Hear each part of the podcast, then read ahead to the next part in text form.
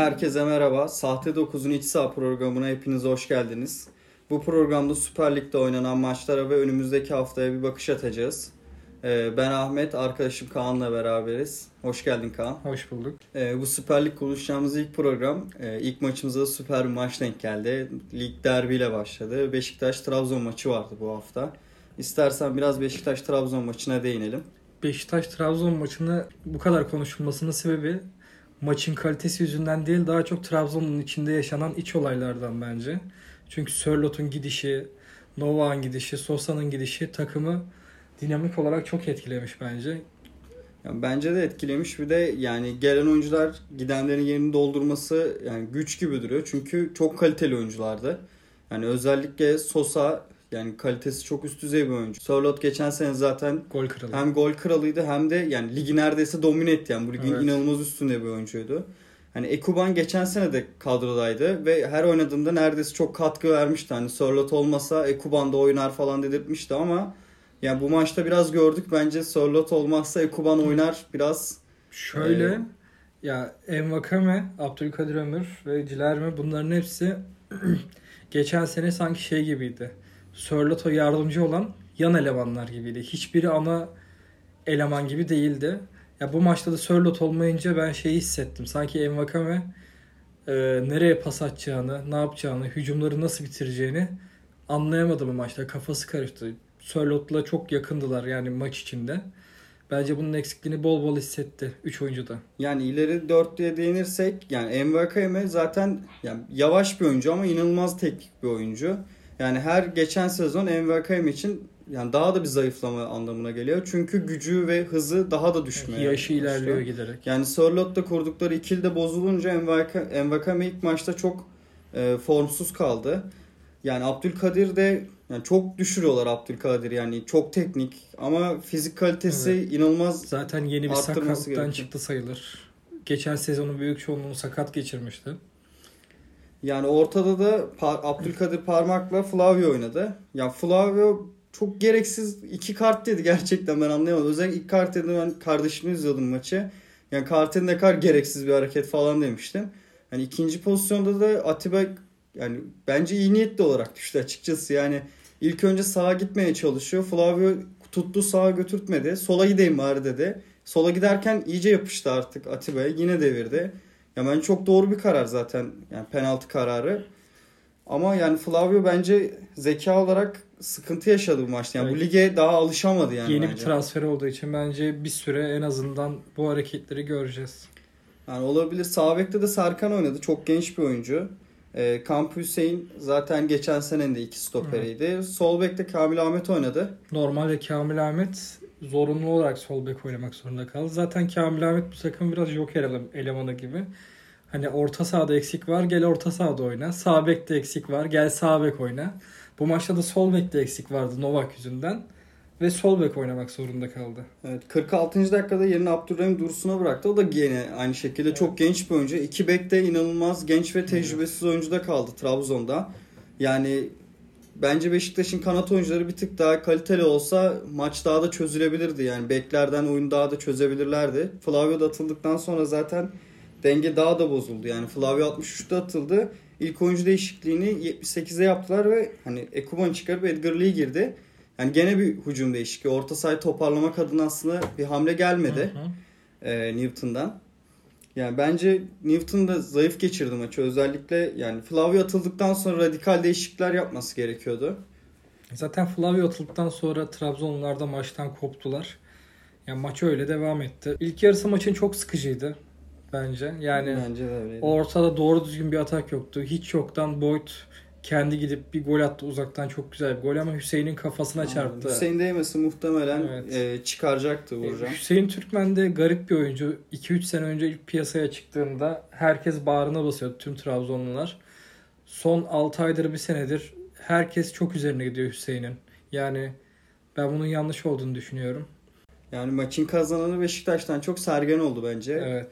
Çünkü Sergen korona olduğu için evindeydi ve maçı telefonundan yönetti. Ona rağmen net bir galibiyet aldı. Yani sonuçta 3 gol attılar. Evet, Beşiktaş zorlanmadı yani kazanırken. Zorlandı desek yanlış olur. Yani tek gol yediler o da tamamen bir anlık hatayla Abdülkadir'in attı. Yani Evet. Ersin'in acemiliğine geldiği Ersin için Acemili'nden doğan bir gol.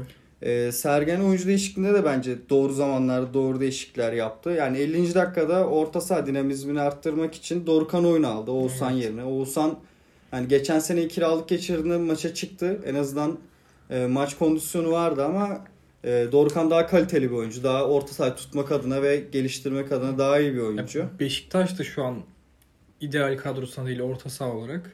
Trabzon zaten değil şu anda. Hani ger yani geçen sene biz diyorduk ki Trabzon'un kadrosu cidden çok iyi. Şu anda gördüğümüz Trabzon kadrosu ligde orta sıralar oynayan bir Anadolu takımı kadrosu gibi. Ondan bir tık üstte gene de ama Evet. yani onun da sebebi elinde bulundurduğu çok kaliteli 2-3 oyuncudan dolayı. Evet. Ee, Beşiktaş'ın sahada gene de iyi oyuncuları vardı bir tık daha bence Trabzon'a Evet. göre. Özellikle stoperde Vida'nın olması, orta sahada Atiba'nın olması büyük katkı sağladı. Evet. Yani Beşiktaş'ın takımı da geçen sene göre çok değişti. Sahada Hasic oynadı. Ben beklemiyordum açıkçası Hasic'le başlamalarını ama ortalama üstü bir katkı verdi bence. Yani ya bu Enkudu'nun hazır olmadığını gösteriyor ya da Enkudu'nun rotasyon oyuncusuna düştüğünü gösteriyor bu sene için. Yani Boyd fena oynamadı solda. Yani Evet. Larin bence iyi oynamadı. Yine forvette katkı veremedi Larin çok fazla. Yani Larin zaten ilk geldiğinde bundan 3-4 sene önce çok büyük beklentiler vardı Larin'den. O zaman için gayet gençti ama bence artık Larin'in verim veremeyecek bir oyuncu olduğu anlaşıldı bir süredir ve yani Larin bence Beşiktaş'ın 3. forveti olmalı. Geçen maçta ilk 11 olarak sahaya çıkmak zorunda kaldı. Takımda forvet olmadığı için.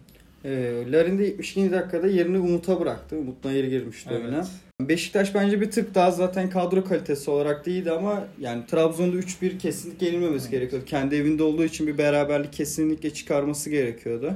Ben özellikle Necip'in oynamasına yine çok şaşırdım. Sağ tarafta Hasic Necip ikilisi vardı. Ya sağ Beşiktaş'ın şu anda gerçek anlamda bir sağ beki yok. Takımda hiç yok.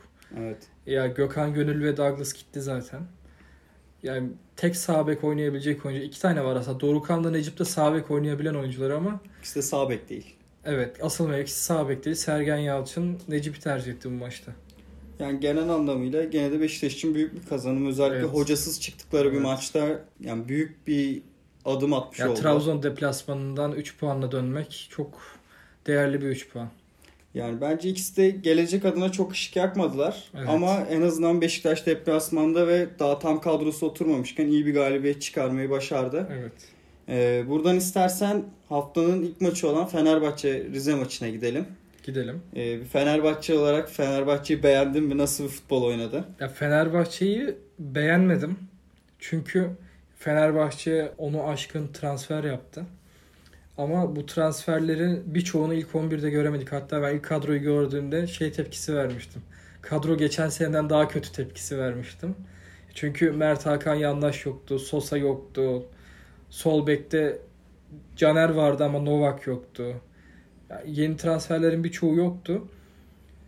Yani ben maçı izledim. En beğendiğim oyuncu Ferdi oldu. Ben Ferdi'yi Evet. inanılmaz beğendim. Evet Ferdi'nin ben şeyini fark ettim. Geçen seneye göre fiziğini bayağı bir arttırmış. Yani kalıplaşmış biraz. Eline artmış. Ya benim en çok hoşuma giden şey Ferdi hem adam eksiltebiliyor hem top kontrolünü Türkiye Evet. Ligi'nde tekte yapabilen nadir futbolculardan Evet. biri ligimizin kalitesinden dolayı. Evet. Ama ben en çok hoşuma şu gitti. E, iki kontra atakta birinde koşup yetişti, topu kazandı. Birinde de kart dedi yanlış hatırlamıyorsam.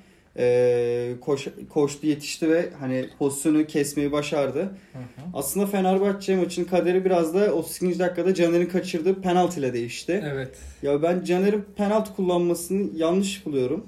Ya takımda bence ya ilk 11'e baktığınızda penaltı kullanabilecek nadir oyunculardan biri Caner. Ya bu zorunluluktan olduğunu düşünüyorum. Ya Tiam'ın bu sene mesela gol kralı olma ihtimali var. Hem Evet. e, hangi maçta bir maçta da kullanmamıştı. Hat-trick yapabilecekti. Ee, şey Sivas Spor maçında. Ha, evet bir hazırlık kupası maçında Tiam iki golü varken penaltıyı kullanmamıştı. Burada da kullanmadı.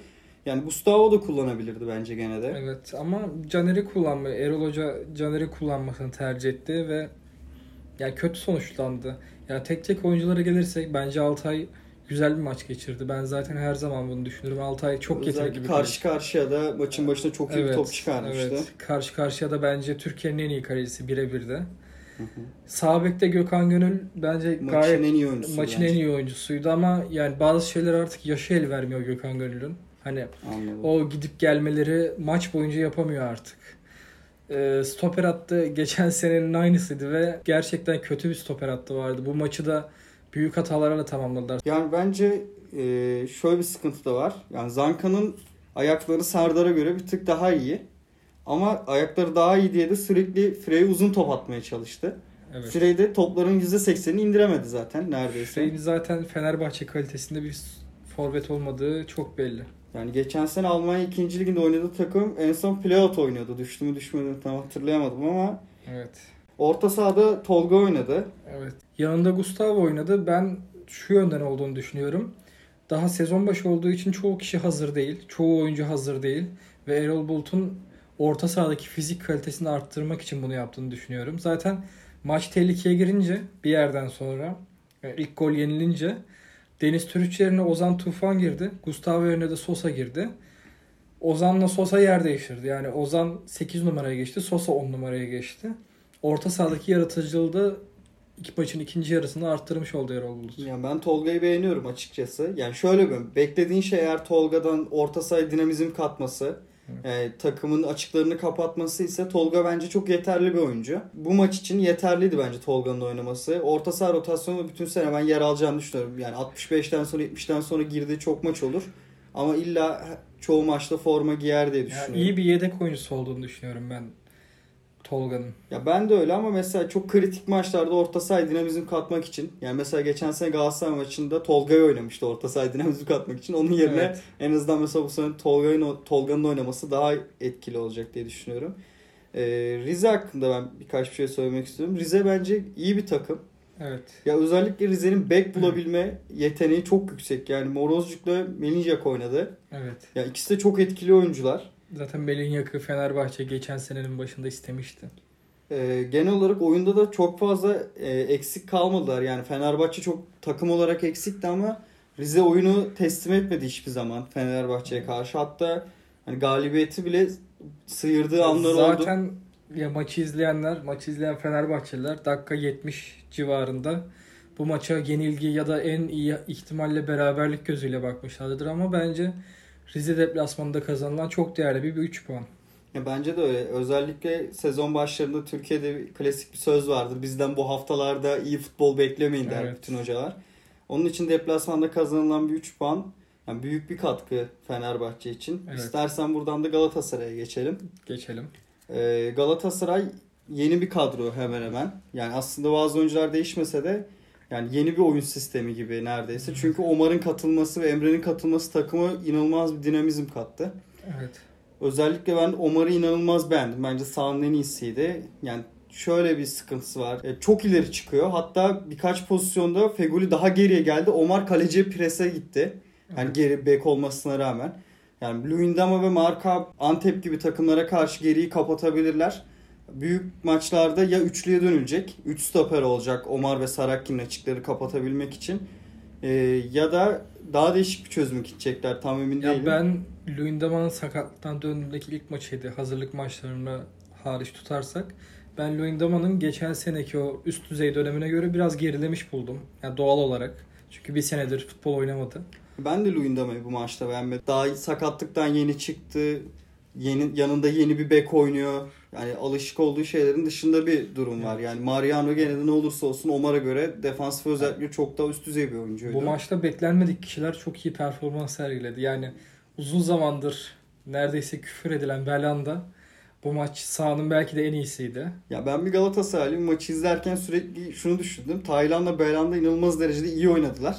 Evet. Ve sürekli şunu düşündüm. Bu kadar iyi oynamayın. Bir orta saha alınmayacak yoksa. Hani bir sonraki haftalarda sıkıntı olacak diye düşündüm. İlk yarıda Belanda en çok top kapan oyuncu oldu. En çok adam eksilten oyuncu oldu. En çok ikili mücadele kazanan ve en çok isabetli orta açan oyuncu olmayı başardı. Evet. Tayland'da top dağıtımında ve arka plandaki açıkları kapatma konusunda çok üst düzey bir Yani oyun geçen sergiledi. seneki Lemina'nın görevini Taylan üstlenmeye çalıştı. Yani tam birebir oyuncular değiller ama Evet. tam dediğin gibi üstlenmeye çalıştı. Bazı yönlerden de üstlendiği yerler oldu. Evet. Hatta e, ikinci golde Emre'nin attığı golde Tayland'la Belanda sıkıştırıyorlar ve yani top Emre'nin önünde kaldı. Emre de Falcao ile bir paslaşıp golü buldular. Ya benim bir de şaşırdığım hususlardan biri şu oldu. Biz Emre'yi geldiğinden beri sol açık çizgiye daha yakın oynar diye düşünüyorduk. Evet. Ya bu maçta Arda Emre ikilisi olduğu için zaman zaman Emre içe, zaman zaman Arda içe geçti ama Emre'nin en azından maçın başına bir tık daha içeride başladığını gördük. Fizik kalitesi, e, ayak tekniği ve Falcao ile uyumu çok iyiydi.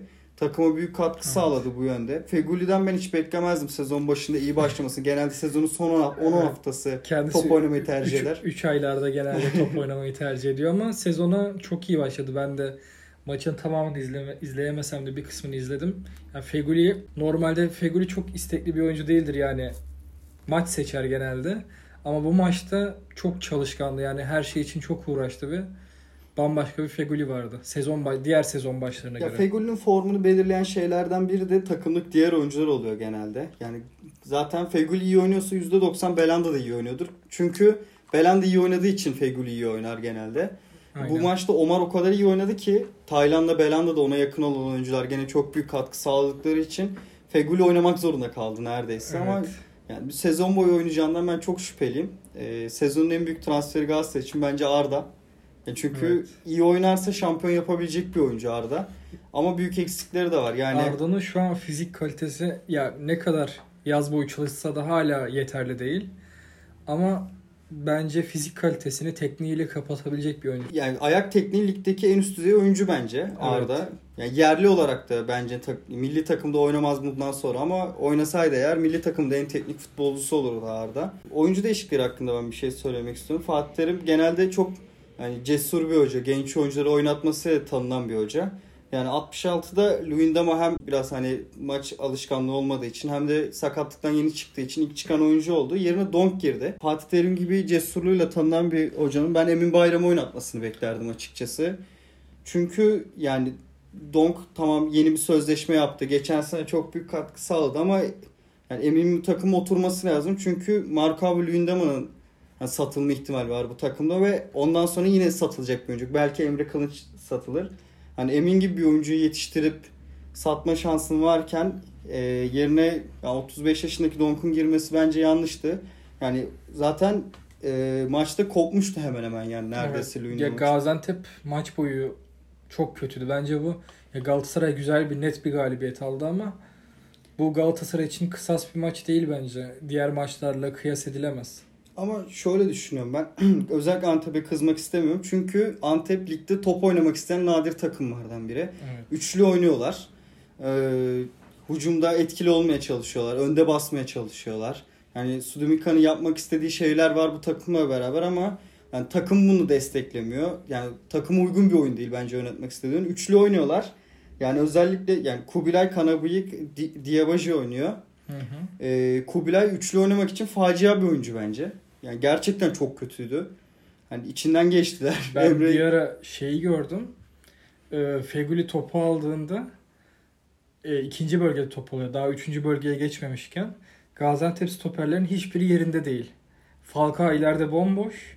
E, Gaziantep stoperlerin hepsi orta sahaya çok yakın. Yani gerçekten felaket bir maç geçirdi. Gaziantep'e stoper Yani. Antep'in golü de uzaktan geldi. Onun haricindeki en etkili pozisyonu Diabaji karşı karşıya kaçırarak girdi. Yani takım biraz dengesiz açıkçası. Yani e, ne olacağını hiç belli olmadı. Stoperlerinin Evet. daha hücumcu olsalar da savunma yönleri çok zayıf. Kubilay'ın iki yönü de çok zayıf bence. Ayak tekniği Evet. de kötüydü. Basit de bir penaltı oldu. Kubilay'ın eline çarpmıştı top. Ee, Emin girmedi demiştik. Ben bir de özellikle şey de tuhaf geldi. Aynı dakikada Arda çıktı. 66 numara Arda 66'da oyundan çıkarken Arda yerine Babel girdi. Babel gerçekten bir kanı. Evet Ve- artık yaşı el vermiyor bazı şeyleri yapmaya. Yani 17 yaşındaki bir stoperle karşı karşıya gelse o bile Babel'in sağa çekip yani vuracağından emin. Her Evet. pozisyonda aynı şeyi yapıyor. Hiçbir katkı sağlamıyor. Yani onun yerine de belki Ali Yavuz kol girip hücumu ikileyebilirlerdi. Yani ikili bir forvet hattı oluşturabilirlerdi en azından. Yani çünkü Babel'in de zaten hani kanat oynuyor ama savunmaya katkı vermiyor koşamadığı için. Onun yerine en azından forvet girebildi. Yine genç bir oyuncu girebilirdi. Yani ben Fatih Terim'den bu maç e, bir genç oyuncu oynatmasını bekliyordum. 80'de Emre'nin bir e, sıkıntısı oldu. Ayağı çekti muhtemelen. Evet. Topukla gol atmaya çalıştı ama denk getiremeyince ayağı çekti. Onun da yerine Jimmy Durmaz girdi. Evet. Yani Jimmy Durmaz Babel'den de daha kötü bir oyuncu bence. Yani Evet. şu an. Yani yedekler yani bence bu yedekler oynayacağını daha gençler oynamalı. Ben şey takıntım yok hani sahada gençler oynamalı, Türk futbolunu gençler kurtaracak gibi bir hani boş yapmak istemiyorum. Ama Babel veya Jimmy oynayacağına onun yerine rahatlıkla bir genç en azından sahaya sürebilirsin. bence. Oynayabilirdi. Zaten maçın ikinci yarısında maç kopunca Galatasaray muhtemelen önündeki Nefçi Bakü, Bakü maçını düşündü. Ya buna göre bunun içinde temposunu bayağı bir düşürdü. Ve Yani- oyuncularını dinlenmeyi, dinlendirmeyi seçti bence Fatih Terim. Bence de öyle. Yani en son olarak da Cagney oyuna girdi ve gene Cagney'in yaptığı Evet. bomboş pozisyonu gol yapamadı. Yani çok kötü vuruş değildi. Direğe çarptı zaten. Ama rahatlıkla da gol yapabileceği bir Toplam pozisyondu. 5-6 dakika oynadı zaten. Yani bir de Galatasaray'ın bu sene en büyük sıkıntısı eğer Avrupa'da devam edecekse fikstürü olacak. Yani Galatasaray'ın Perşembe günü Nefçi maçı var. Evet. Ee, çıkacak. Haftaya Başakşehir maçı var. Yanlış hatırlamıyorsam. Evet. Yani çok sıkıntılı fikstürlere girecek. Muhtemelen ben Nefçi maçında yani 11 11'de oynayan oyuncuların çoğu oynamaz. Yani Arda, Feguli ve Falcao oynayacağına ben hiç ihtimal vermiyorum. Ya Falcao zaten sakatlanmaya meyilli bir oyuncu. Falcao ya oynadığında da çok iyi bir oyuncu.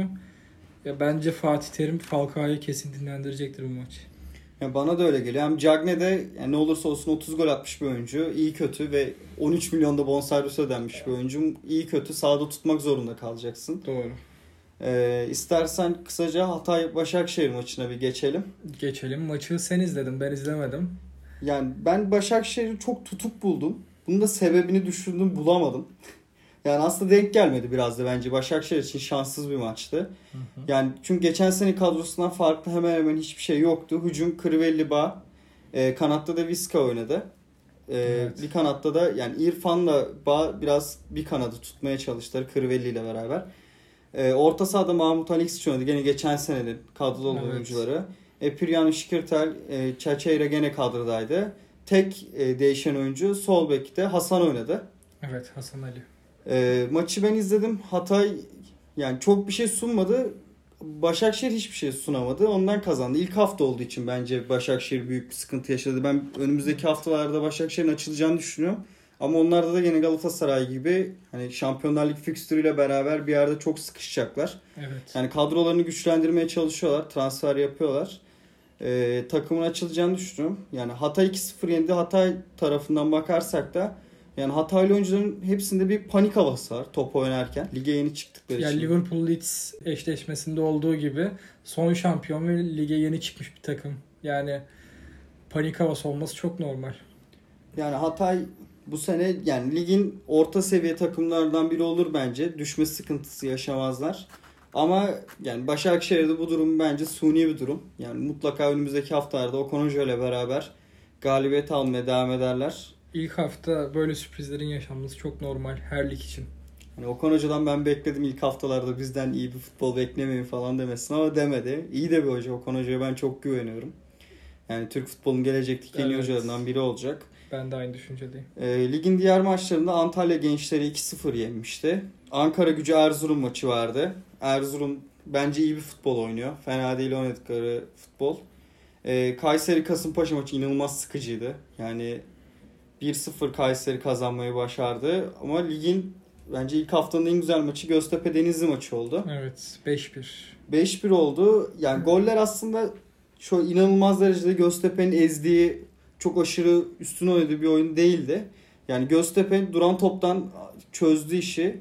Sonra da hep denk geldi. İyi güzel pozisyonlar bulmayı Yani başardılar. ilk hafta için gayet gösterişli bir galibiyet aldılar. Ama Denizli düşmenin en büyük adayı gibi geldi bana açıkçası. Yani çok ilk hafta oynadığı futbolla yani tutmamış da bir şeyler. Aslında iyi de bir hocaları var ama Prosineçki'den ben beklentim daha yüksekti en azından. Mesela 5 gol yedirecek kadar da kötü oynatmasını beklemiyordum. evet. Ee, bence ilk haftanın en büyük sürprizlerinden biri Başakşehir'le beraber Sivas Alanya maçında Sivas'ın kendi evinde Alanya 2-0 yenmesi ama sürpriz olan kısmı Sivas'ın hiçbir şey oynamaması oldu benim için. Yani yani 4 sene önceki Sivas gibiler mesela. Yani gerçekten kötülerdi ama Alanya müthiş bir sistem. Yıllardır ligdeler. Antalya'nın Evet. ikinci takımı olarak yükseldiler buraya ama her zaman doğru kadro kurmayı başarıyorlar. Her zaman doğru oyun oynamayı başarıyorlar.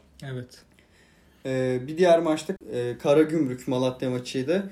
Karagümrük Malatya'yı 3-0 yendi ve Karagümrük değişik bir sistem. Evet. Süleyman Urman'ın başkanlığında iyi bir kadro kurdular. Hatta Biglia'yı aldılar. Biz seninle ilk konuştuğumuzda e, Biglia'nın kuzeni mi diye sormuştum ben sana bunu. Sen bana söylemiştin. Hayır kendisi geldi demiştin. Yani iyi bir kadro kurmayı başardılar Evet, bence. Bedavaya yani Beşiktaş'ın kurtulmak istediği Enzo Roko'yu, Atıf Şeşu'yu, Biglia'yı ve yanında bir sürü yani yaşlı olsa da kaliteli transferleri, kendilerini ligde tutabilecek transferleri yaptılar. Ben Karagümrük'ün bu sene ligde kalacağını düşünüyorum. Ben 6-10 arasında olacağını düşünüyorum hatta. Yani iyi bir takım gibi geldiler bana açıkçası. Daha da hatta transferde de biraz hani isim yaptılar. Şöyle çekinilen Evet. bir takım gibi oldular. Evet. Ee, istersen önümüzdeki haftaya biraz bakalım. Önümüzdeki hafta Fenerbahçe evinde Hatay'la oynuyor. Ya Hatay Başakşehir maçındaki galibiyetiyle biraz gözdağı verdi ama ya Fenerbahçe'nin ben yine de kazanacağını düşünüyorum. Ee, Novak'ın da lisansı çıkmış bu arada. Evet. Novak da muhtemelen oynayabilir. Ee, ben de Fenerbahçe'nin kazanacağını düşünüyorum ama yani gene bütün oyuncuların birbirine ne derecede e, entegre olduğunu göreceğiz. Yani fikstürün en güzel maçı Başakşehir Galatasaray maçı.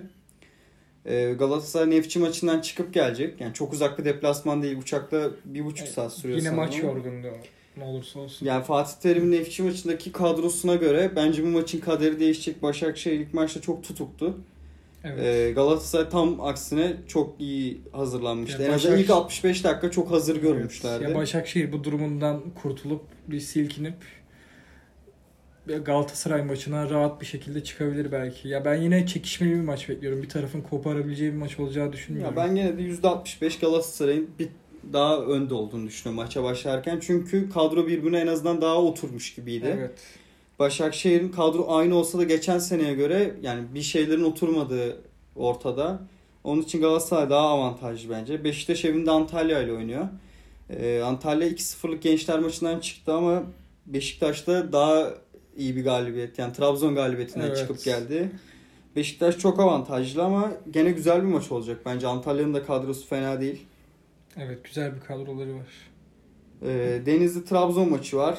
Trabzon eğer bu maçta yenilirse çöküş yavaş yavaş başlar bence. Ben Beşiktaş ve Trabzon'un bu ligdeki saatli bombaları olduğunu düşünüyorum. Yani kimle oynarsa oynasın, nerede oynarsa oynasın hiçbir her ihtimalin olabileceğini düşünüyorum. Bu yüzden yani hiçbir maça bence net yorum yapılamaz. Yani buradan da mağlubiyet de alınırsa bence yönetime kadar yani gidebilecek bir sıkıntı yani taraftar nezdinde olacağını düşünüyorum. Çünkü Evet. Ünal Karaman'ın kovulmasından sonra hani bir süre takım yine iyi gitti. Evet. Ee, Hüseyin Çimşir'le Hüseyin beraber. Cimşir'le beraber iyi gitti ama sonra sonunu getiremediler. Sonra Evet. Hüseyin Cimşir kovuldu. Yine Newton geldi. Yine yardımcı hocalardan biri geldi. Yani bu maçtan da çıkamazlarsa bence yönetimde küçük küçük topa tutulmaya başlar. Evet. Ee, onun haricinde Türkiye Ligi'nden var mı söylemek istediğim bir şey? Yok. Benim de yok. Biz dinlediğiniz için teşekkür ederiz. İyi günler. İyi günler.